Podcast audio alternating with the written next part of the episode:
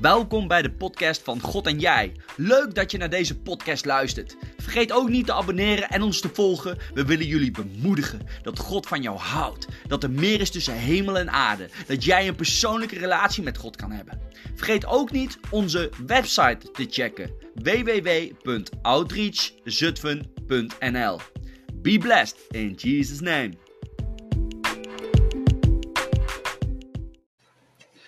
Zo.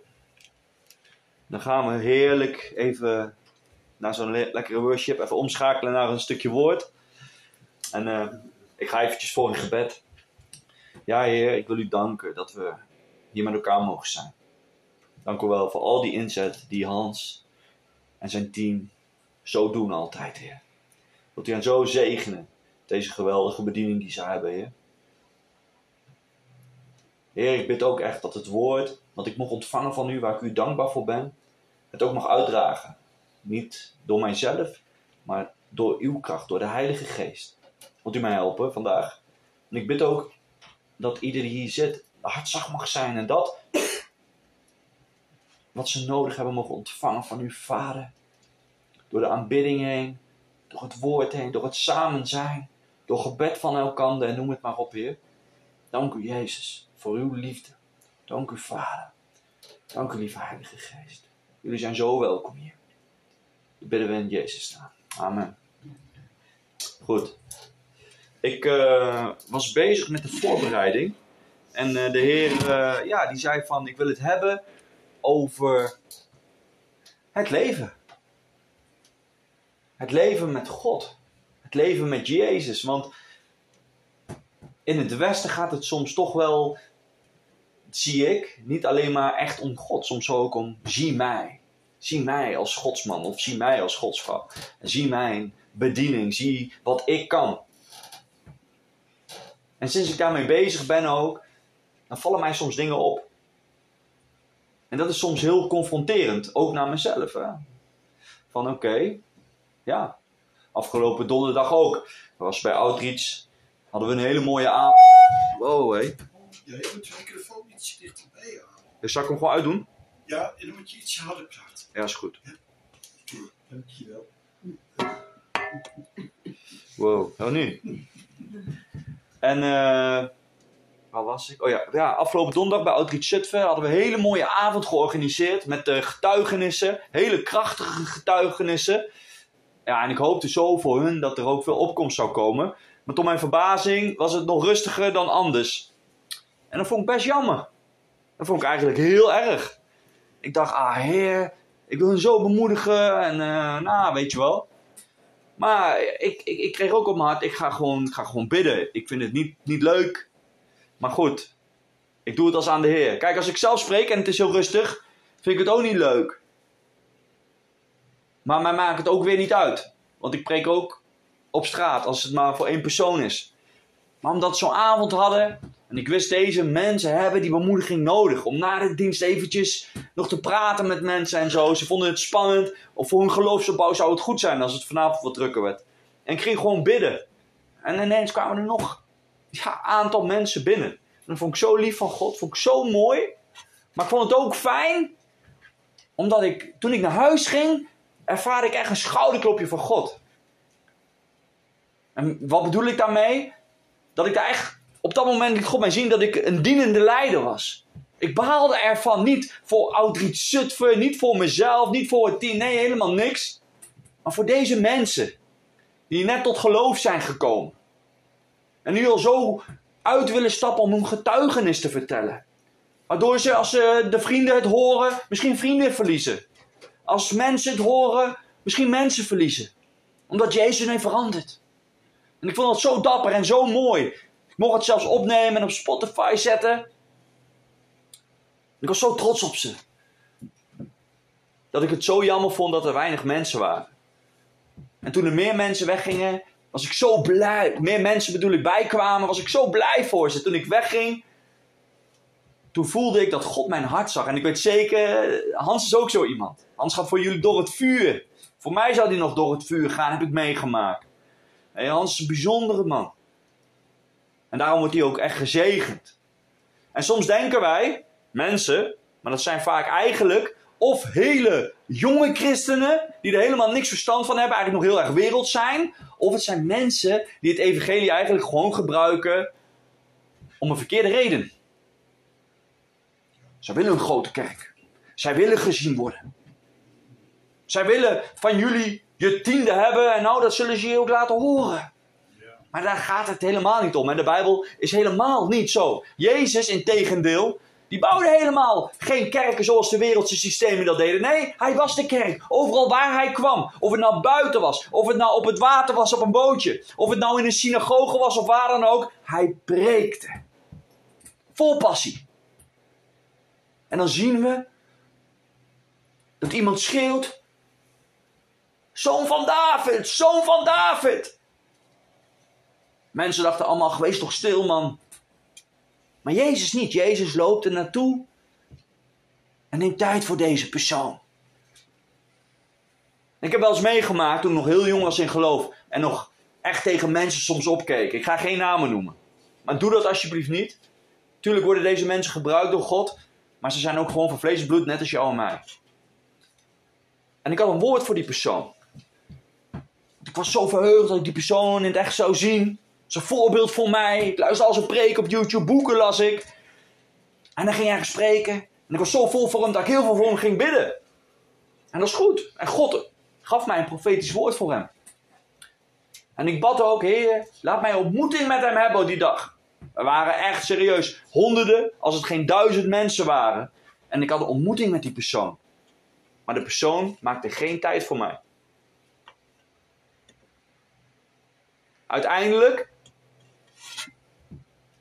Later in de middag ging die, uh, hij, sprak twee keer. Later in de middag sprak hij nog een keer. En tot mijn verbazing, ik weet niet meer precies waar het over ging, maar had ik iets ontvangen van God waar ik hem heel erg mee had geholpen. Had God mij laten horen in die preek. Maar hij maakte geen tijd voor mij. God hield van hem. Ik hield heel veel van hem. Ik had hem eigenlijk op een hoog, dat ik niet moeten doen. Ik was heel erg teleurgesteld in hem. God zorgde voor een ontmoeting als hij dat wilde. Maar hij liep voorbij mij. Want ik was niemand. Helemaal niet op dat moment. Ik sprak nog niet niks. Maar tijdens de preek hoorde ik iets. Toen dacht ik, wow, ik heb het antwoord voor je. Jammer hè? Er kan ook ons overkomen als we naast onze schoenen gaan lopen. Hè? Ja. Daarom moeten we nederig blijven. Daarom moeten we zien waar het om gaat. En ik wil een stukje voorlezen uit Prediken. Prediken 1, vers 2 tot 11 dan begint te prediken met iets best wel depressief. Want het wereld is ook best depressief. Maar zelfs het christendom kan heel depressief zijn als wij er werelds mee omgaan. Hè? Dat is eigenlijk mijn punt. Een en al vluchtigheid, zegt prediker. Een en al vluchtigheid. Alles is vluchtig. Welk voordeel heeft de mens van al zijn zwoegen, waarmee hij zwoegt onder de zon? De ene generatie gaat en de andere generatie komt. Maar de aarde blijft voor eeuwig staan. De zon gaat op, de zon gaat onder. En zij hijgt naar haar plaats, waar zij opging. De wind gaat naar het zuiden en draait naar het noorden. Al draaiend en draaiend gaat de wind, en al draaiend keert de wind weer terug. Alle rivieren gaan naar de zee, toch raakt de zee niet vol naar de plaats van waar de rivieren kwamen, daarheen keren zij terug. Om vandaar weer te gaan stromen. Alle dingen zijn zo vermoeiend dat niemand het kan uitspreken. Het oog wordt niet verzadigd van het zien. Het oor wordt niet vol van horen. Wat er geweest is, dat zal er weer zijn. Wat er plaatsvindt, dat zal weer plaatsvinden. Er is niets nieuws onder de zon. Is er iets waarvan men kan zeggen: Kijk eens, dat is nieuw. In de eeuwen die voor ons geweest zijn, is het er al geweest. Er is geen herinnering aan de vroegere dingen, ook aan latere dingen die nog komen zal. Geen herinnering zijn bij hen die daarna komen. Nou, dit houdt me best bezig. Helemaal nu ik sinds ja, bijna acht jaar vader ben geworden. Getrouwd. Hè, ik heb werk. Waarom? Waarom doe ik dit? Ik denk dat we dat allemaal herkennen. Hè? Er zijn dingetjes voor mij, maar vul die dingetjes maar van, van, van, van jou in, in jouw dagelijks leven. Waarvoor doe ik dit? Wat wil ik, wat wil ik bereiken hiermee? Hè? Dat is ook zoiets. Wat is belangrijk? Dat is ook zoiets. Ga zo maar door. Het zijn allemaal van die knagende vragen die bij het leven hoort. Maar die ook niet verkeerd hoeven te zijn. Als we hier de juiste manier mee omgaan. Nogmaals, niet zoals hoe de wereld jou dat leert, maar zoals Jezus ons dat leert. De grote rabbi, de grote leraar. Prediker hoofdstuk 2, vers 4 en 9 zegt iets heel wijs. Luister eens goed. Ik heb voor mijzelf grootste dingen tot stand gebracht. Ik bouwde mijn huizen, ik plantte mijn wijn, wijngaarden, ik legde mijn tuinen en boomgaarden aan en plantte daarin allerlei vruchtbomen. Ik legde mijn waterbekkens aan om daaruit een bos met jonge bomen te bevochtigen.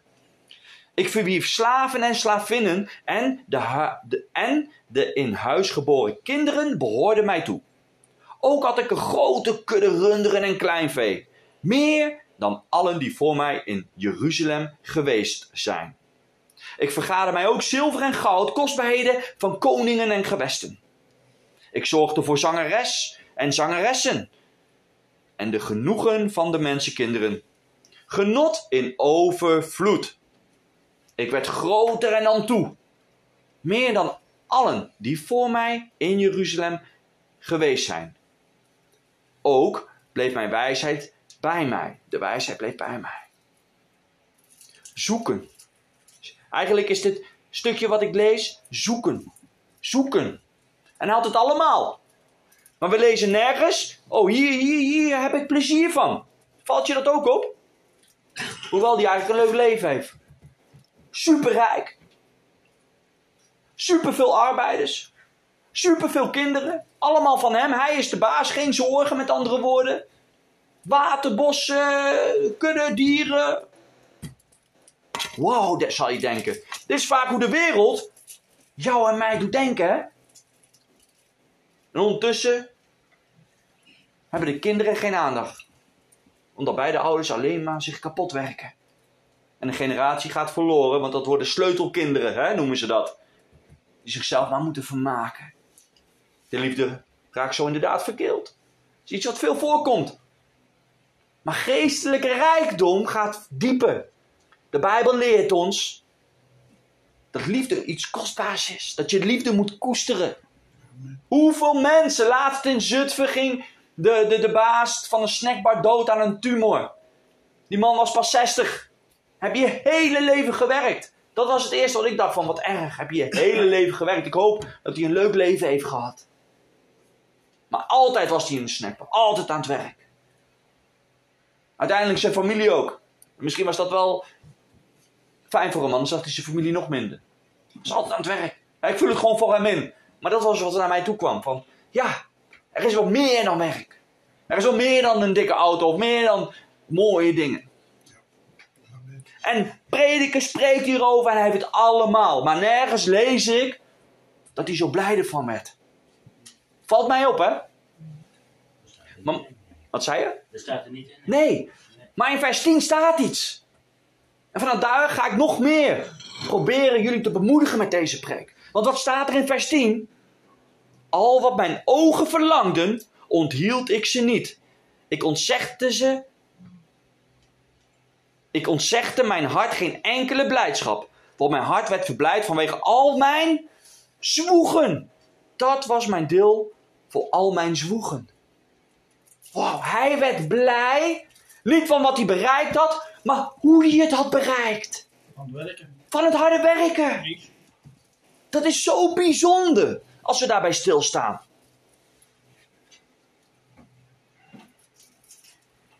Ik ga nog een duidelijk voorbeeld geven. Het niet in de Bijbel staat, maar voor mij zo'n krachtig voorbeeld is dat ik met jullie wil delen. We kennen allemaal van die vervelende kinderen. Verwende kinderen. Hebben de nieuwste Playstation, hebben skelters, hebben de duurste eh, telefoontjes, de mooiste dingen. Maar het is nooit goed genoeg voor die kinderen. Als je zegt, wow, wat een mooie mobiel heb jij. Oh ja, volgende week krijg ik uh, de nieuwste dit of dat. Zullen we bij jou spelen? Want jij hebt de PlayStation 5. Ja, is goed. Wow, heb je ook de PlayStation 4 en 3 nog? Ja, als je wil hebben, neem maar mee. Zijn verwend. Zien de waarde niet in van wat ze hebben. Maar als je een mens, in dit geval een kind, die iets wilt hebben, en laten we zeggen de PlayStation 5, dan zeg je: Weet je wat? Dat is een goede verlangen wat je hebt. Maar dan moet je klusjes doen. Dan moet je sparen. Dan moet je vragen aan iedereen voor je verjaardag geld. En dan gaan we kijken hoeveel geld je hebt. Nou, als een kind die PlayStation 5 wil, wat gaat hij doen? Hij gaat naar zijn ooms en tantes. Kan ik klusjes doen? Kan ik je auto wassen voor uh, 5 euro? Hè? Hij gaat naar zijn opa en oma's. Hij doet zijn best. Een maand later, bij wijze van, is hij jarig. Hij vraagt aan iedereen geld. Hij ziet, oh, er komt nog 100 euro tekort. Je gaat met hem zitten als ouders en je zegt, weet je wat? Je krijgt 50 euro van ons, maar die andere 50 euro moet je eerst nog voor elkaar krijgen en dan gaan we hem kopen.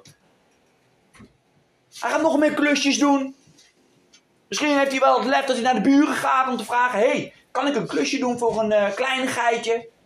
Hij gaat er wat voor doen. En op het moment, als hij die PlayStation 5 kan kopen, kan krijgen, dan denk ik zelfs, als er kinderen zijn die bij hem komen spelen, dat hij zegt: We gaan niet met de PlayStation 5 spelen. Die is kostbaar. Die bescherm ik. Dat is mijn schat. Daar heb ik maanden voor gespaard, maanden voor gewacht. En ik denk dat dit de boodschap is, wat prediker zegt. Je kan nog alles hebben, maar als het je geen moeite kost, dan zie je de waarde er niet van in. Dan ben je er geen eens blij mee. En ik denk dat God in jou, mij, jou, iedereen hongerig wil maken door te laten zien wat hij je wilt geven. Soms is een profetisch woord veel verder dan dat wij hadden gehoopt of hadden gedacht. Dan duurt dat soms wel eens bij mensen. Corrie de Boom was pas in de 40, 50 toen haar profetisch woord tot stand kwam. Nou, er zijn mensen, inclusief ik, die die leeftijd nog steeds, hebben, nog steeds niet hebben bereikt. Maar ze liet het niet los. Ze bleef spoegen, ze bleef werken, ze bleef vertrouwen op het woord van God. Ze bleef mensen helpen. Op plekken wat het haar dood kon kosten, deed ze toch de wil van God. Op plekken waar mensen niet vertrouwen hadden in Corrie ten Boom, wist zij: God wil me hier hebben, dus ik trek me er niks van aan. Haar fundament was Jezus. Amen. Wow, en hoeveel strijd zal ze wel niet hebben gehad. Maar dat geldt voor ons allemaal. Maar als wij op een wereldse manier ermee omgaan, denk ik dat je misschien werelds gezien veel meer succes kan hebben met wereldse materialisme maar uiteindelijk heb je je doel nog gemist. Heb je nog niet gedaan dat wat God voor je wilde. Want dat voel je wel.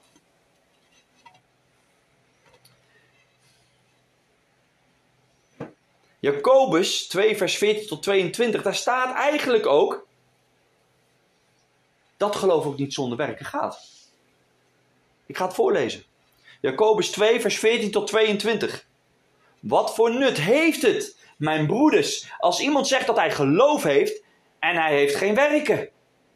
Kan dat geloof in hem zalig maken? Als er nu een broeder of zuster zonder kleding zou zijn en gebrek zou hebben aan een dagelijks voedsel, en iemand van u zou tegen hen zeggen: Ga heen in vrede, word warm en word verzadigd, en u zou hun niet geven wat het lichaam nodig heeft? Wat voor nut heeft het dan? Zo is ook het geloof. Als het geen werken heeft, in zich, is het in zichzelf dood. Maar nu zal iemand zeggen: U hebt geloof en ik heb werken. Laat mij dan uw geloof zien uit uw werken, en ik zal u uit mijn werken mijn geloof laten zien. U gelooft dat God één is, daar doet u goed aan, maar ook de demonen geloven dit en zij sidderen. Maar wilt u weten, o dwaas mens, is wat, hè? Wij zijn eigenlijk dwaas. Dat het geloof zonder werken dood is. Is Abraham onze vader niet uit de werken gerechtvaardigd toen hij Isaac zijn zoon op het altaar offerde? Ziet u wel dat het geloof samenwerkte met zijn werken en dat door de werken het geloof volmaakt is geworden. Zo hé. Dat is voor veel christenen een klap in het gezicht, denk ik. Oh jee. Mijn ziel is wel gered, maar ik ben nog heel depressief. Ik, ik, vind, het, ik vind het allemaal zwaar. Ja, ik kan wel iets doen, maar ja, ik, ben, ik, ik lig ook liever nog even in mijn bed. Ja, ja, allemaal van die dingen. Wat heel menselijk is, maar niet wenselijk. En helemaal niet wenselijk als een kind van God. Jezus leert ons namelijk sleutels. Jezus leert ons namelijk geloven, goed, heb geloof. Maar als je er niks mee doet, is het helemaal niks waard. We kennen allemaal het verhaal, de mooie gelijkenis die Jezus geeft in de gelijkenis. Over die drie gasten, mannen waarschijnlijk, die een muntje hebben. Een kostbaar iets. Een talent, zegt de Bijbel. De ene krijgt zoveel munten, talenten, de andere zoveel en de andere zoveel. Twee daarvan doen goede dingen ermee. Eentje daarvan doet menselijk iets misschien goed ermee, maar bij de koninkrijk spuug God hem uit. En waarom? Hij durft niet te werken met zijn geloof. Laat me dit verhaal eens uitleggen. Pietje, gewoon in de tegenwoordige tijd. We kennen allemaal dit verhaal, toch? Pietje, Klaasje en Hendrik. Zijn gered door Jezus. Pietje is heel vurig, kan niet stoppen met praten. Noem het maar op. Klaasje is precies hetzelfde, maar bepaalde dingen kan hij nog niet helemaal laten. Dus hij, hij, hij, hij kan honderdvoudig vrucht dragen, maar hij kiest toch voor ja, zestigvoudig vrucht. Wat, wat oké is. Hè? Want hij wil toch niet alles doen wat God van hem vraagt. Maar hij doet wel heel veel. En die andere, hoe had ik hem genoemd? Hendrik? Nou ja, de derde, die denkt gewoon, ik ben gered, ik vind het wel goed, ik ga gewoon door met feesten. En eigenlijk, uh, ja, als mensen hem zien, verwachten ze eigenlijk geen eens dat hij christen is. Maar ze zien dus wel gered natuurlijk, want hij gelooft wel in zijn hart in Jezus. De ene doet met zijn talenten alles.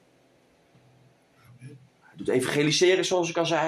Hij wordt uitgenodigd ergens, hij spreekt. Hij gaat zelfs soms ergens naartoe als hij eigenlijk andere leuke dingen kan doen. Maar toch doet hij het, want God komt bij hem op de eerste plek. De andere, die 30 of 60voudig vrucht wil dragen, die doet allemaal precies hetzelfde. Maar soms komen dingen op zijn pad. Ja, en dan denkt hij, ja weet je, ik mag ook plezier hebben, dat mag ook.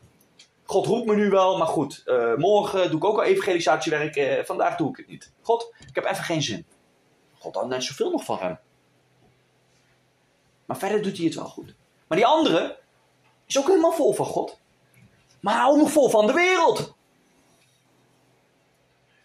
En hij evangeliseert eigenlijk alleen maar als hij knetterdronken is. Want ja, hij wil feesten nog steeds, hij wil drinken nog steeds, hij wil, uh, ja, weet ik veel wat hij allemaal nog wil doen. Maar hij is wel echt gelovig. Nou, op een gegeven moment komt de baas terug, hè? dus eigenlijk Jezus. En die zegt, hey, ik ben weg geweest, wat heb je gedaan met je talenten? Ik heb het vermenigvuldigd. Ja, dat klopt. Want door uit te stappen, door je werken, horen nog meer mensen over Jezus komen er nog meer vruchten. Wauw, hier, je krijgt nog meer. Vertrouw jou. Die andere die 30, 60 voudig heeft gedragen. Ja, is Jezus ook wel blij mee. Ik vind het wel jammer dat hij helemaal 100 voudig vrucht wil dragen. hij doet tenminste wat mensen geloven en hij heeft toch vrucht. Hier, jij krijgt ook nog wat meer. Maar die andere die wel gered is, maar er helemaal niks mee doet. Sterker nog, een slechte ambassadeur eigenlijk is. Want als die knetters dronken is, durft hij wel over Jezus te vertellen. Weet je wat Jezus zegt? Wegwezen. Wegwezen. Heftig toch? Hij is teleurgesteld. Hij heeft eigenlijk dood geloof. Hij gelooft in iets, maar doet er niets mee. Nou, dat zal wat zijn. Bij Nederlanders zijn daar goed in, helemaal als Nederland zelf dan moet voetballen. Oh, die zullen toch wel verliezen. Sommige volgen daar helemaal niet meer. Maar eigenlijk best raar, toch? Als je kijkt naar Turkije, die worden nooit uh, wereldkampioen. Sommigen hebben wel een goed team, of Marokko. Nou, op een gegeven moment en met Marokko, die Marokkanen geloven allemaal, misschien worden we het wel, misschien worden we het wel. Ik kan ervan genieten. Ik vind dat mooi, dat is geloof. En ze helpen mee. Zie je wat ik wil zeggen? Wij als gelovigen moeten niet besmet worden met de wereld, maar besmet worden wat de wereld aan ons biedt, zodat wij Gods heerlijkheid erin kunnen laten zien. Want jij bent op de wereld geboren, maar niet van de wereld. Je moet functioneren in de wereld om het licht te laten zien en een zout te zijn. Ik zou zeggen, pak wat pen en papier, want ik heb wat sleutels gevonden die ons kunnen inspireren. Onder andere, als jij vol bent van Jezus, dat kennen we allemaal toch? Dat we soms helemaal vol zijn van Jezus. Dat we misschien wel een aanraking hebben gehad op een, op een conferentie of in een huiskring. Of je hebt zo'n goede preek gehoord of worship muziek. Dan gebeurt er iets met je. Ineens, als je dan door de supermarkt loopt, je komt bekennen tegen, die zeggen: Wat zie je er blij uit? Toch? Blije mensen zijn vaak te herkennen. Als wij christen zou- zouden zijn, zelfs in moeilijke tijden, en dat lukt ons helaas niet altijd, dat weet Jezus. Maar eigenlijk zou dat wel zo moeten zijn. We zouden blije mensen moeten zijn. Nog iets waar een christen op te herkennen moet zijn. Dat hij altijd er is, ongeacht de situatie. Wat denk jij? Wat denk jij als Hans ergens uit uitgenodigd om te spreken wat moet doen? Dat wil de duivel niet. Die zorgt voor allerlei toestanden. Bij mij ook. Ik was hier pas om half drie, omdat mijn zoontje tegenwoordig zo erg aan mij hangt. Ik moet echt op het laatste moment weg, want hij mist mij zo. En dat is heel naar weggaan voor mij. Afgelopen donderdag ook bij Outreach. Oh, huilen. Alsof ik iets verkeerds zou doen. Dat is heel naar weggaan. En zo hebben we allemaal situaties. Maar toch kom je opdagen. Dat je weet, de Heer roept mij en ik doe niets verkeerds. Ik kan me niet laten stoppen. En je doet het in de liefde, hè? Want je gezin moet altijd op de eerste plek komen. Ik ga niet zomaar iets doen om mijn zoontje... Nee. Soms, als er andere dingen zijn die ik kan afzeggen, zeg ik ze wel af. Maar dat doe ik ook als aan God. Maar soms moet je iets doen wat de duivel niet wilt en die zal strijd op je pad leggen. Misschien wel zo erg dat je zo depressief bent, dat je misschien een foutje bent begaan, dat de duivel je nog meer aankrijgt en dan zegt, ah, ga je nog spreken ook? Ja, weet je, je moet gewoon spreken, want tijdens de verbouwing gaat het werk door. En als je naar perfectie streeft, dan zou je nooit gaan spreken, zou je nooit laten dopen, zou je helemaal niks doen in het geloof. Want wij zijn niet perfect. Daarom hebben wij God nodig. Omdat God perfect is. En hij de perfecte oplossingen heeft. Kom altijd opdagen. Andere dingen die we vaak zien in een passievolle volgeling van Jezus, is dat hij zelf vol is van Jezus, maar ook stil is. Stil is als het niet nodig is. Observeert, balans is hè, in geest, zien en lichaam. Want dat wil God ook. Maar me niet wijs als een prediker zo dik is, hoe goed hij ook kan prediken, dat God helemaal oké vindt zijn levensstijl. Snap je wat ik wil zeggen? Want als God jou wilt gebruiken, dan moet je ook fit zijn, toch? Dan moet je niet, als- er een trappetje staat, dat je denkt, oh jee, als ik daar ben, dat doe ik dan al een half uur van tevoren voordat ik moet spreken, want dan heb ik een half uur nodig om eh, uit te kunnen rusten. Want ik sport nooit, ik eet alleen maar McDonald's. En ik drink ook elke avond lekker twee biertjes. Daar is allemaal niks mis mee, maar in balans.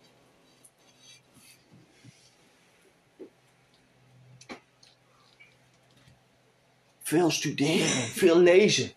En niet vanuit het moeten, maar ik denk wel een stukje discipline. Want uiteindelijk ben jij de persoon die daar de vruchten van hebt. Ben jij de persoon die aan het schatgaven bent en dat er een uur of morgen of misschien volgende maand iets gebeurt en je denkt, ik weet hoe ik hiermee moet omgaan, want ik ben vol van Gods woord. Ik bestuur zijn, bestudeer zijn woord. Het is zelfs een opdracht aan Jozua, wat in de Bijbel staat, is ook een opdracht aan ons. Overdenk mijn woord bij dag en nacht. Want er zullen mensen komen op je pad, zonder dat ze doorhebben, en waarschijnlijk ook christenen, zonder dat ze doorhebben, die denken dat ze gebruikt worden door de Heilige Geest, maar gewoon gebruikt worden door zijn, hun eigen vlees of iets ergers. En zeggen, jij, jij, jij, jij kan dat niet. Dat, je, dat dat zo hard aankomt, dat je denkt, wow, heer, heb ik u dan verkeerd verstaan? En je gaat twijfelen. Daarom hebben we elkaar ook nodig. En die dingen gebeuren. Maar als jij vol bent van Gods woord, dan baal je ervan dat die persoon dat nog niet ziet in je. Maar je denkt, Heer, het is logisch dat die persoon dat niet ziet. Want dat een profetisch woord. U bent aan mij aan het veranderen. En er komt een moment dat die persoon het ook misschien wel mag zien. Je gaat vaker lachen. Want je bent ontspannen. Je bent vol van God. Je weet, ik ben gerend. Ik ben gered. Je gaat lachen als je dingen ziet in de wereld. Dan lach je soms gewoon dat je dankbaar bent dat je dat niet meer nodig hebt. Dat je die humor niet meer nodig hebt. Je bent een veel vrolijker mens. En je trekt je dus niets aan van wat anderen zeggen. Als wij willen stralen, gaan we onderweg zoals Abraham, hè, wat we lazen. We gaan onderweg zoals Abraham. Abraham, die, die had het goed hoor. In, uh, dat was welvaart in die tijd. Maar toch zei je, uh, God, up, wegwezen. Neem je vrouw mee. Ik ga je naar een beloofde land brengen. Maar dat werd pas overgenomen door kinderen van hem. Hij heeft best een heftig leven gehad. Als een vreemdeling. Door Canaan, door de woestijn. Moeilijkheden. Koning van Egypte werd verliefd op zijn vrouw. Maakte ook fout. Hij durfde niet eens zeggen dat zijn vrouw was. Dus worden we misschien allebei doodgemaakt omdat hij jou wil pakken, Sarai. We zeggen wel dat je mijn zus bent. Heftig, hè? En ook daar is de Bijbel dus eerlijk in. Want Abraham was niet volmaakt. Abraham kon dus ook bang zijn. Abraham wist het soms ook niet. Abraham ging ook met de slavin van Sarai omdat hij niet kon wachten. Hij had ook niet genoeg geduld. Maar zijn hart was op de juiste plek. En omdat hij zich liet corrigeren, kon God wat door hem heen doen. Dat is ook voor ons, hè. Als wij een verkeerde afslag nemen, door ons eigen wereldse verstand, waar zelfs Abraham last van heeft en andere geloofshelden. Maar ons hart is oprecht en wij zoeken hem bij dag en nacht. Komt hij weer op ons pad en gaat hij ons weer geestelijk vervullen. Wat te doen om meer prioriteit voor Jezus te maken? Want dat is soms lastig in deze wereld. Natuurlijk, dat herkennen we allemaal. Als je werk hebt gewoon in de wereld, ook gewoon vrienden hebt, je hobby's. Dat is allemaal goed. Maar uiteindelijk moet het doel zijn dat jij daar bent en dat mensen zien dat jij anders bent. Want we hebben niet die wereldse geest, maar die hemelse geest, de heilige geest. Hier, problemen van tegenwoordig. Hele simpele oplossingen. Maar je kan ze niet vaak genoeg horen. Stoppen met Netflix, Netflixen. Maar ga slapen. Nee, ik ben heel moe, ik ga Netflixen. Oh, dan ontspan ik. Oh, ik moet morgen om 7 uur eruit. Maar ja, ik wil dit ook wel afkijken. Ja, toch? Nee, stoppen met Netflix. Ga gewoon naar bed. Nog iets. Eet geen fastfood meer. Doe het gewoon niet. Maar maak eten. En geniet ook van dat proces van het eten maken. Het is hartstikke leuk als je helemaal bezig bent met eten maken. Lekker op gevoel koken. Hoef helemaal niet met recepten. Lekker op gevoel koken. Weet je wat er dan gebeurt? Je bent dankbaar wat je eet. Je geniet van het eten. Het heeft je wat gekost. Misschien ben je wel zo blij hoe het smaakte. Dat je dat weekend iemand laat komen om gezellig mee te eten. En fluitend sta je in de keuken. En omdat je dat doet, ben je nog meer in contact met God. Want je bent ontspannen. Ga niet met verkeerde mensen om. Maar leer mensen kennen die jou kunnen mentoren. Dit is zelfs iets wat de wereld weet. Als jij een succesvolle zakenman bent en nog rijker wil worden, connecten. Ga niet meer chillen in de kroeg. Nee, ga connecten. Mensen die jou verder kunnen brengen. Dat moeten wij christenen ook doen. Ga connecten. Ga bidden. Maak prioriteit om stille tijd te hebben. Vraag aan God om mensen op je pad te krijgen die jou verder kunnen brengen. Want soms denken wij dat wij een bediening hebben, maar is het eigenlijk iets van ons vlees dat we zelf willen. En wilt God jou het mooiste bediening geven waar je zelf nog helemaal niet achter bent gekomen. Daarom heb je ook mensen op je pad nodig die jou nieuwe dingen kunnen leren. Die jou nieuwe dingen kunnen laten zien. Stoppen met piekeren. Maar train je geest, ziel en lichaam. Piekeren doen we allemaal. We piekeren om onze gezondheid. We piekeren over onze karakter. We piekeren misschien zelfs wel over, over, over de kerk, over, over, over ons geestelijk leven. Maar dat moet je niet doen. Als jij ergens gepland bent en dat weet je, hè, daarom, dat is gewoon voor mezelf hoor, heb ik hekel aan lidmaatschappen in de kerk. Dat is gewoon persoonlijk. En waarom? Omdat ik vind je bent ergens geplant. En soms moet een plant gepoot worden. als Gabriel straks heel groot is, zou het doodzonde zijn voor deze kerk dat hij weggaat. Maar het zou doodzonde voor God zijn als hij hier blijft. Snap je mijn punt? We moeten de mensen die een bediening hebben trainen en loslaten. Poten. Niet zeggen je bent lid hier. Nee. We bidden voor je. We planten je. We helpen je om een nieuwe gemeente misschien wel te vinden. Omdat je moet verhuizen vanwege je bediening. Of ik zeg maar wat. Dat is zo belangrijk. Nergens in de Bijbel staat ook hè, over lidmaatschappen. Nee. Nog sterker, er staat dat de apostelen, evangelisten, profeten eigen bedieningen hadden. En zo gebruikt werden. En niet bij die ene denominatie niet helpen en bij de andere wel. Nee, er waren geen eens denominaties. Er waren volgelingen van Jezus die elkaar hielpen. Amen. Zo bijzonder. En dan zie je hoe de wereldsgeest zelfs in ons christelijke hart soms kruipt. En dat sommige mensen zo wijs kunnen praten, maar het zijn wijsheden van de wereld. En bij God klinken ze gewoon als dwaas. Oh, wat is Einstein slim.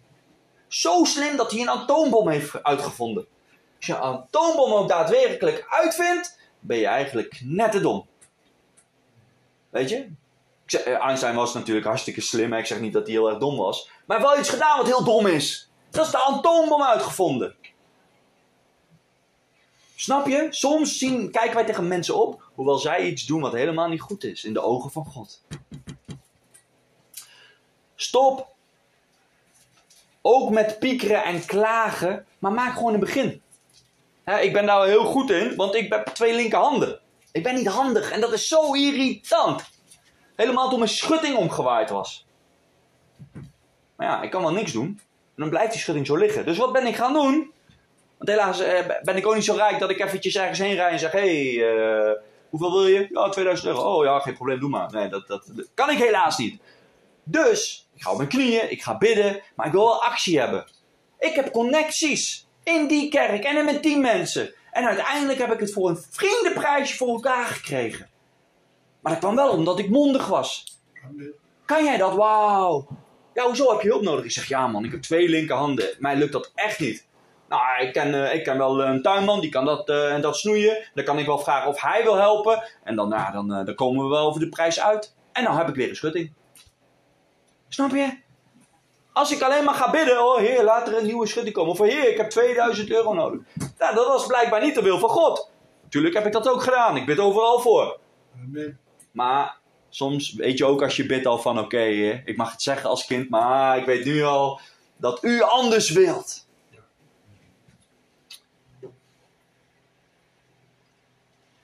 Moe. Ga niet op je mobiel even door, want net zoals met Netflixen, eh, eh, voor je weet ben je een uur verder. Hè? Dat weten we allemaal, Facebook, Instagram, e-mail, Twitter, noem het maar op. Ben je niet geïnspireerd, hè? Dit is iets heel belangrijks. Dit is iets heel belangrijks. Soms ben je gewoon even niet meer geïnspireerd.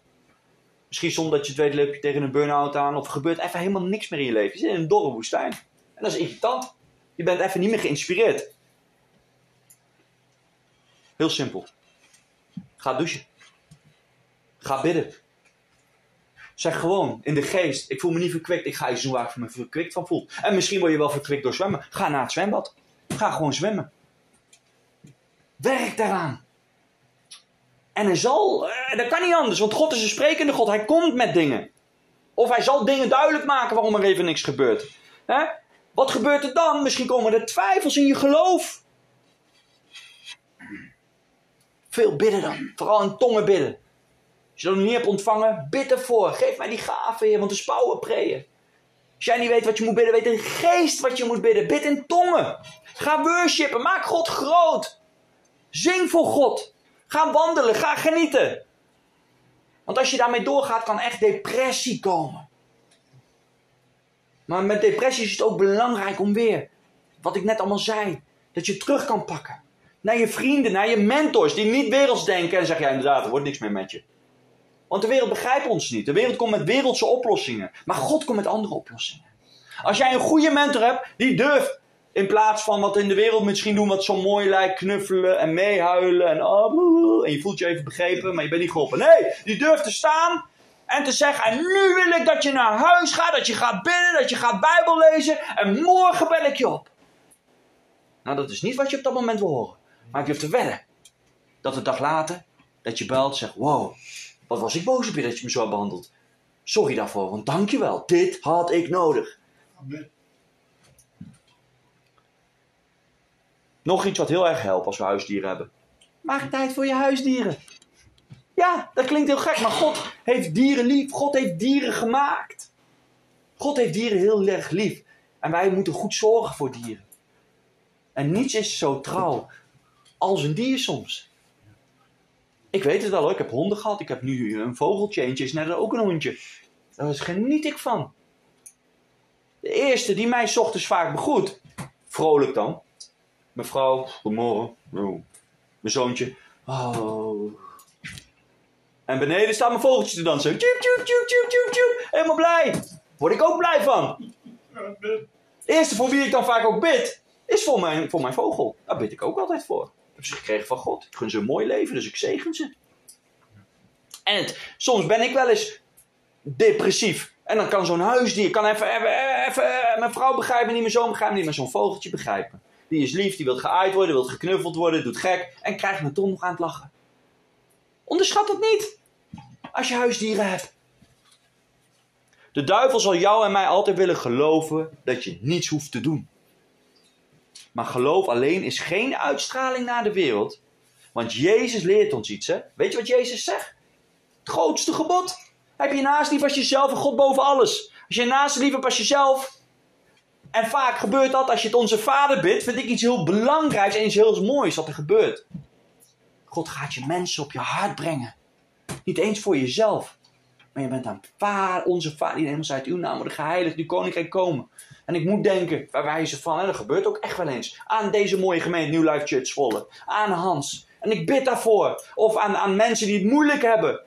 En ik denk helemaal niet aan hun, maar omdat ik tijd heb met God, God denkt aan hun en ik mag voor hun bidden. God wil zo graag dat wij een zegen zijn voor elkaar. En als jij depressief bent, oh Heer, zie mij, help mij. Je wordt alleen maar nog depressiever en je denkt, ja, ik heb ervoor gebeden. Weet je, God denkt dan alleen maar van, och, och, och, ik kan hier helemaal niks mee en ik wil je zo graag helpen. En dan zeg je ook nog, en waarom helpt u mij niet? Ja, hè? daarom moeten we groeien in geloof. Groeien. Het grootste gebod heb je naast lief als jezelf. Ben je boos? Ga sporten, touwtjes springen op de bokzak slaan. We zijn allemaal maar mensen. Als je met die woede gaat blijven lopen, dan is je glimlach weg, is de liefde weg, is alles wat alles gelooft. En de duivel lacht. Je hebt ruzie thuis. Nee, ga eventjes even jezelf moe maken. En vaak denk ik, oh, dat had ik even nodig. Even die adrenaline. Even weer tot rust komen. Hele simpele dingen. Waar wij als mensen, als gelovigen ook mee te kampen hebben. We moeten het geloof beschermen. We moeten de dingen die de wereld ons aanbiedt gebruiken voor het geloof. Last van jaloezie? Helemaal als je alleen maar verlangt naar een grote bediening en je hebt die profetie gehad. En je ziet mensen die jij misschien gediscipeld hebben veel verder jou zijn. Hoewel je weet, ik, ben, ik weet veel meer, ik heb hem alles geleerd. Wat is hier aan de hand, Heer? Ja, de duivel wil toch wel dat je zo denkt. Heel herkenbaar. Maar focus wie jij bent in God. En daarom is het misschien zo belangrijk om een dagboekje bij te houden. Om elke dag samen met God iets te typen. Juist op die momenten. Als je twijfelt aan jezelf, lees terug. Wordt weer geloof opgebouwd. Je geeft als ware weer mest en water en zon aan de beloftes van wie jij bent. Wat even vergeten is. Daarom is dat belangrijk. Daarom is het belangrijk dat de Joodse mensen, als ze iets groots hebben gedaan, een gedenkteken daar plaatsen. Een steen of een. Hè? Dat is niet occult of gek. Nee, dat is belangrijk. Wij mensen zouden dat vaker moeten doen. Dat wij net blazen op de shofar, dat is mooi. Ik doe dat ook wel eens thuis. Precies om die reden. Heer, u bent overwinnaar. Mooi man. Dat is symbolisch om ons te helpen herinneren. Wij geloven dit, Heer. Daarom doen wij dit. We zetten een daad bij het geloof. In Galaten 5 vers 22 staan de vruchten. Dit zijn eigenlijk de vruchten hoe jouw karakter moet komen. Ik ben bijna klaar met te preken. Hoe de karakter moet worden naar de wil van God. Liefde, blijdschap, vrede, vriendelijkheid, geloof, geduld, goedheid, zachtmoedigheid en zelfbeheersing. Mij is een keer iets heel wijs verteld door iemand die mij mentorde. Die zei, Edward, ik wil dat jij een papiertje pakt. Boven, Galaten 5, vers 22.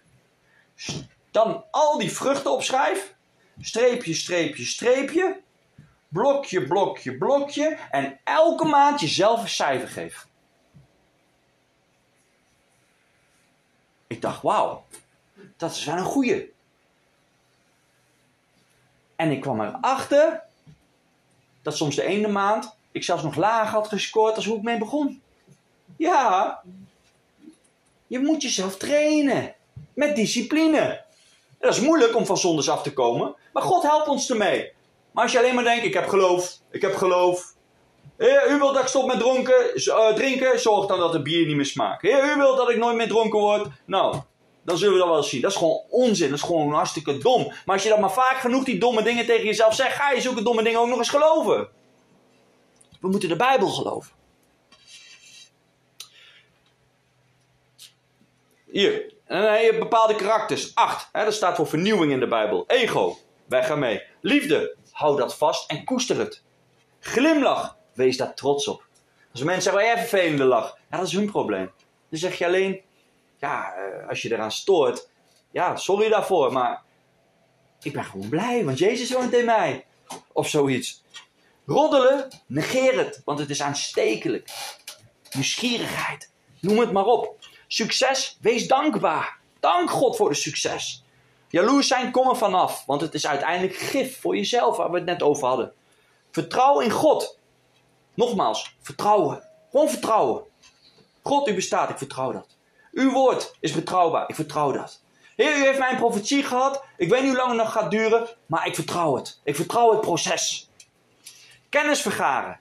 Neem het van harte. Geloof elk woord van God. Ook echt elk. En verdraai het niet, hè? Daar zijn mij mensen soms goed in. Dan we het woord even willen verdraaien, zodat hoe het ons uitkomt.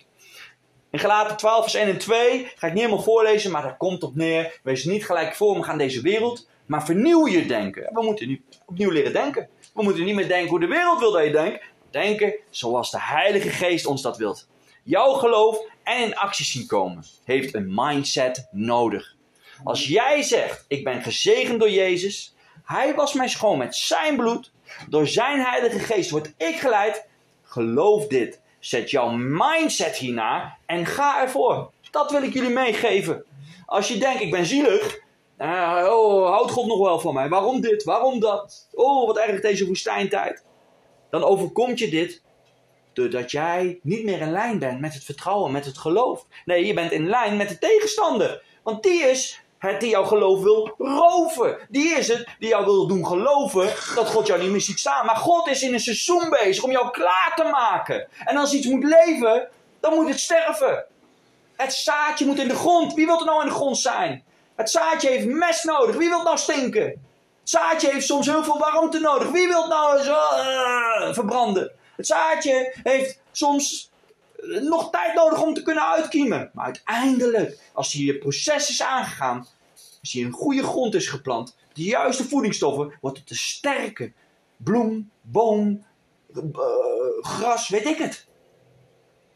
Dat is niet voor niks in de voorbeeld van de Bijbel. Om jou en mij krachtige soldaten van Jezus te maken. Blijf positief. Moeilijke momenten. Nogmaals, want God traint jou. Blijf positief en vertrouw het proces. Amen.